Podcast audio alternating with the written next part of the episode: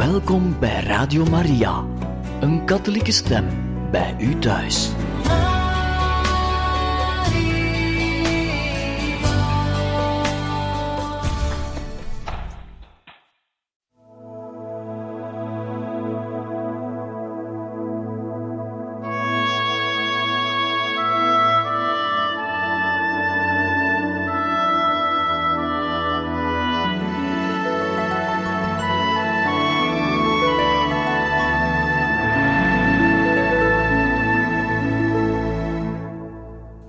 Wij hebben de algemene overpeinzingen gehad van eh, de geestelijke oefeningen, gedaan door Paus Johannes de 23ste. En nu beginnen we met de bijzondere overdenking. Hier zijn ook aanwezig Pater Folli, die ik reeds in Siena ontmoette ter gelegenheid van het uitstellen van de reliquie van de heilige Franciscus Saverius en pater Santo Paulo. Wij houden deze oefeningen slechts met ons vijven, daarom wordt er niet gepreekt. Iedereen mediteert voor zich. Ik heb op tafel het mooie commentaar van pater Bucceroni liggen maar ik prefereer het mijzelf nederig en met heilig vuur in te spannen om de tekst van de heilige Ignatius te begrijpen. Mijn nederige persoon is hier om zichzelf te overwinnen en zijn leven te regelen, dat wil zeggen om zijn traagheid te overwinnen, die nog heel groot is, en daardoor zijn werkzaamheid en prestatievermogen te vergroten. Want ofschoon iedereen zegt dat ik te veel werk, weet ik zelf maar al te goed dat ik nog maar weinig tot stand breng in vergelijking met datgene wat ik zou kunnen doen voor mijn voornaamste taak, namelijk het werk van de propaganda fide. De heilige Ignatius wil nog liever dan de deugd zelf de inspanning zien om deze deugd te verkrijgen. Het is nodig dat wij ons onverschillig maken ten opzichte van het geschapene. Belangrijk is de toelichting van de geestelijke oefeningen aangaande het groter of kleiner kwaad van degene die ingaat tegen de bulle cruciata. De zonde is in dat geval immers zwaar, omdat men aanleiding geeft tot overtreding of omdat men handelt tegen de vrome aansporingen en aanbevelingen van de overste. Wat is dan de conclusie van de overweging over de drie zonden? Wat heb ik gedaan voor Christus? Weinig. Weinig of niets. Wat doe ik voor Christus? Wel iets, maar zeer gebrekkig en traag. Wat zou ik moeten doen voor Christus?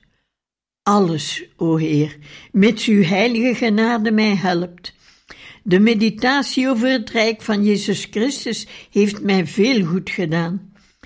Ik wil deze dikwijls herhalen, zoals ik ook iedere morgen de prachtige en krachtige samenspraak zal herhalen, die de meditatie besluit en die ik uit devotie voor mijzelf heb overgeschreven. O eeuwige Heer van alle dingen. Ik heb gebied bij Pater Folli en ik bevind mij in een toestand van grote vrede.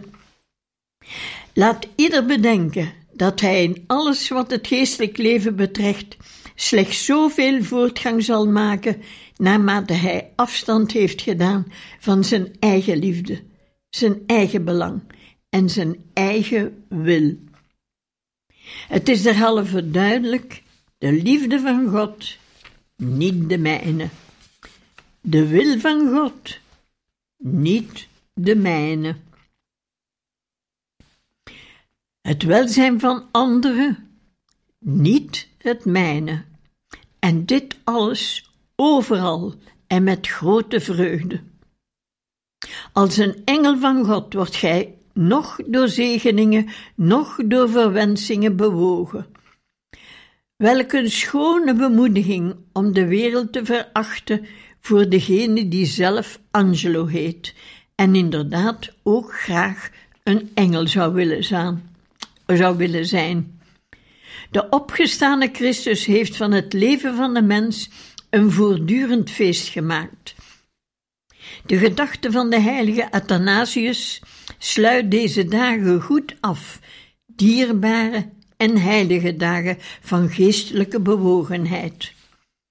Vandaag is het drie jaar geleden dat ik in Rome kwam voor het werk van de propaganda fide.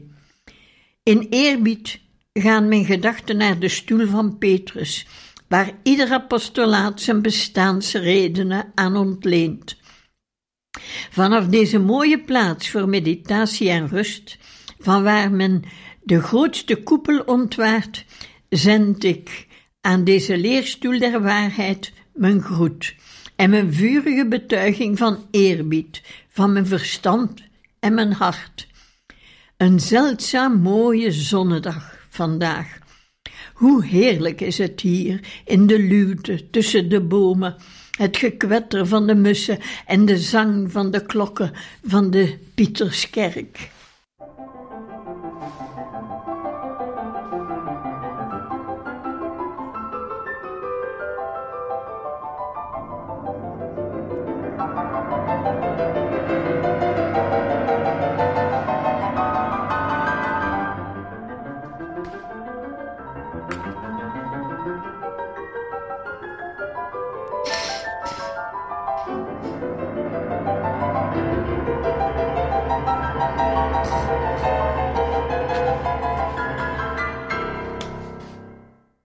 1927. Geestelijke oefeningen te Ljubljana, Slovenië. In het huis der paters Jezuïeten van 9 tot 13 november. Ik moet en ik wil steeds meer mens van intens gebed zijn. Dit afgelopen jaar heeft verbetering gebracht in dit opzicht. Ik zal met alle kracht op mijn weg voortgaan, terwijl ik nog meer gewicht zal hechten en zorg zal besteden aan mijn religieuze oefeningen. De heilige mis, brevier, bijbellezen, meditatie, gewetensonderzoek, rozenkrans en bezoek aan het Allerheiligste Sacrament. Ik heb de Eucharistische Jezus steeds bij mij en dit is mijn vreugde. Mogen Hij in mijn huis en in mijn leven altijd een aanleiding vinden tot goddelijk welbehagen. 2. Er is nog meer kalmte nodig, nog meer kalmte en zachtmoedigheid en vrede in mijn aangelegenheden. Als ik niet al het goede kan doen dat ik nodig acht ten bate van de zielen bij de mij toevertrouwde opdracht, dan moet ik mij door niets van de wijs laten brengen of laten verontrusten. Er bestaat alleen maar plicht om de ingevingen van de naastenliefde te volgen, en dat is voldoende. De Heer weet alles te wenden tot triomf van zijn rijk. Ook het feit dat ik niet meer kan opbrengen, ook het geweld dat ik mijzelf moet aandoen om uiterlijk werkeloos te blijven. Deze kalmte en vrede moet ik met woord en voorbeeld ook op anderen overbrengen. 3. Ik zal steeds meer oppassen bij wat ik zeg. Ik moet ook tegenover mijn vertrouwelingen meer gereserveerd zijn bij het vellen van een oordeel. Ik zal opnieuw deze punten tot onderwerp van mijn gewetensonderzoek maken. Niets moet mijn lippen ontsnappen dat geen lof of mild oordeel is, of dat, hoe dan ook, voor alle niet een aansporing vormt tot naastenliefde, apostolaat en deugdzaam leven. Van nature ben ik zeer wel bespraakt. Ook dit is een gave van God. Maar zij dient met aandacht en respect, dat wil zeggen met mate, gebruikt te worden, zodat men er eerder naar verlangen moet mij te horen spreken, dan dat men er genoeg van krijgt. 4. In mijn verhouding tot alle, katholieken of orthodoxen, hoog of laaggeplaatste personen, zal ik altijd trachten een indruk van waardigheid en goedheid achter te laten, lichtende goedheid, beminnelijke waardigheid. Ik vertegenwoordig, ofschoon op onwaardige wijze, bij dit volk de Heilige Vader. Ik zal er dus op bedacht zijn hem te doen achten en beminnen, ook door mijn persoon. Dit wil de Heer. Welk een opdracht, welk een verantwoordelijkheid. 5. Ten einde mij nuttiger te maken in mijn ambt in Bulgarije, zal ik mij met bijzondere ijver op de Franse en Bulgaarse taal toeleggen. 6. Uit aanwijzingen die ik dit jaar gehad heb, moet ik constateren dat ik ouder word en dat het lichaam af en toe symptomen van zwakheid vertoont. Dat wat ik steeds voor ogen moet houden, is de gedachte aan de dood, zodat deze gedachte mijn leven opgewekter, lichter en tegelijkertijd werkzamer maakt. 7. Jezus, Maria, Jozef, de zielen, de kerk en de paus moet ik in mijn hart dragen. Ik heb sereniteit nodig, kalmte, vreugde in het geven en, het, en in het opofferen van mezelf, naar de eis van mijn apostolisch ambt. En in mijn verhouding tot de anderen moet ik de waardigheid, nederigheid, mildheid en edelmoedigheid, geduld en nog eens geduld opbrengen in alle eeuwigheid. Amen.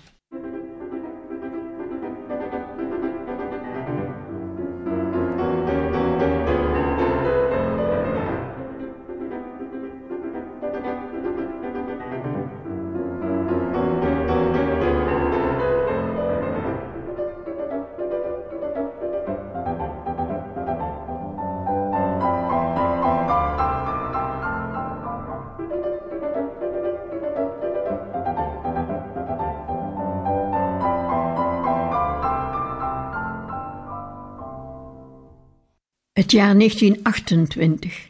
Jaarlijkse geestelijke oefeningen te Babek aan de Bosporus. Het huis van de Paters Lazaristen van 20 tot 24 december 1928. Aantekeningen. 1.